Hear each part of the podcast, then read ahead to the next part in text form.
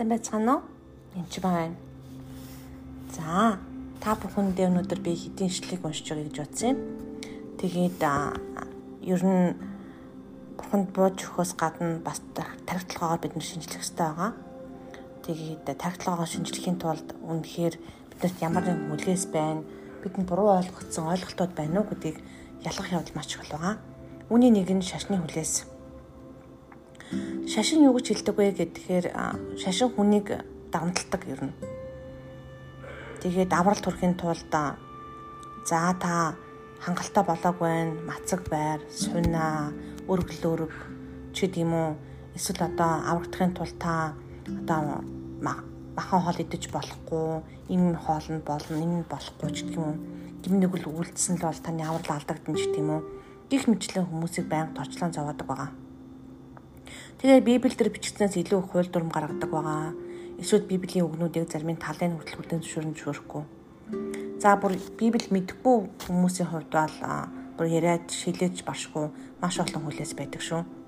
Тэгэхээр та энэ хүлээсээс тасраад ямар ч сенсусээс тэмддэг болсон бол сайн хэрэг. Гэхдээ тэнд бас тэнд тэр одоо шашных нь сүнс ч юм уу тийм үлдэх тохиол байдаг учраас бат үнийг цэвэрлэх хэрэгтэй болдог байгаа.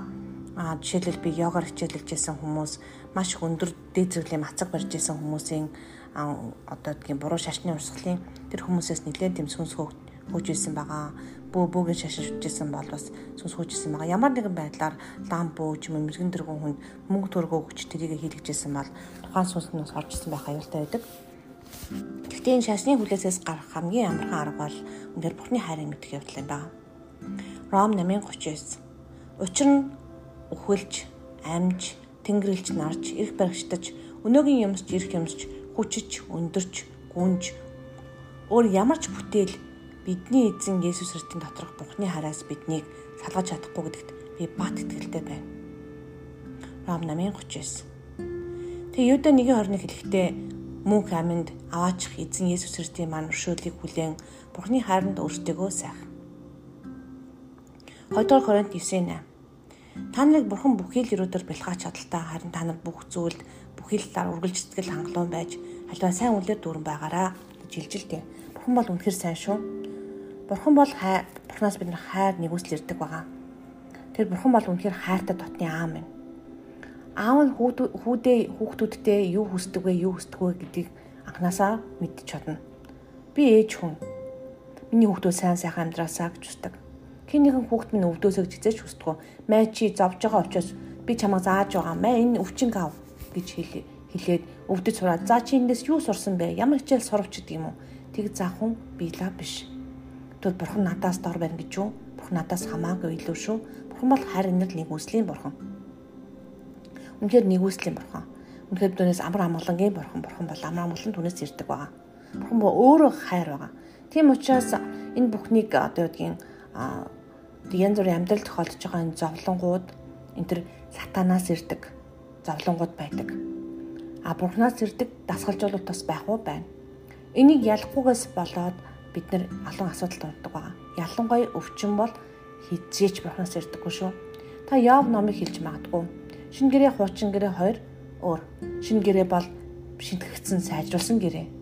Ягаад бол бурхан хിവэрээ юу хിവэрээ би чивэрээ юу хിവэрээ гэж болно. Гэтэ би нэг хүнтэй гэрээ байгуулж л тээ. Гэрээ байгуулахдаа түрээсэн гэрээ байгуулсан. За би сая төгрөгөөр байшингаа түрээсэлж гэнэ.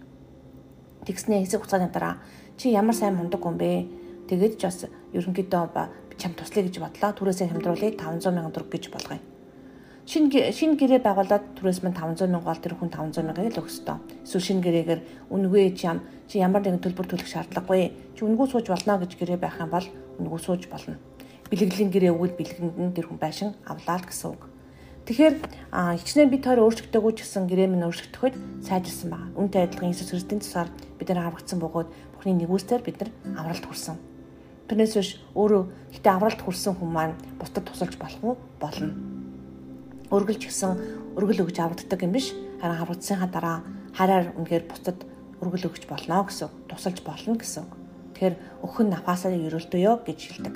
Тэгэхээр энэ бүхнийг ойлгохын тулд Библийн аль нэгийг уршлыг мушгах юм уу хооронд нь хойлох цутгах энэ бүхэнд бас хүмүүсийг төөрөлдүүлсэн тохиолдлууд зөндөө байдаг.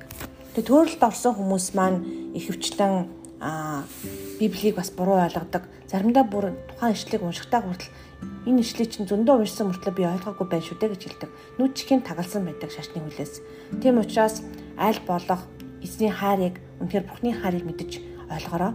Тэр үед үнэхээр тэр Бурхны хайр ямар ч хүлээсийг задтаж чаддаг. Тэгээд шашны хүлээс Иесусэр тэнэстэр тасар түнд мэрэгэн ухаан болон илчлэлийн сүнсийг өгөж үнээр үннийг мэдэх болтугай. Үнний сүнс та бүхнийг удирдах болтугай. Баярлалаа.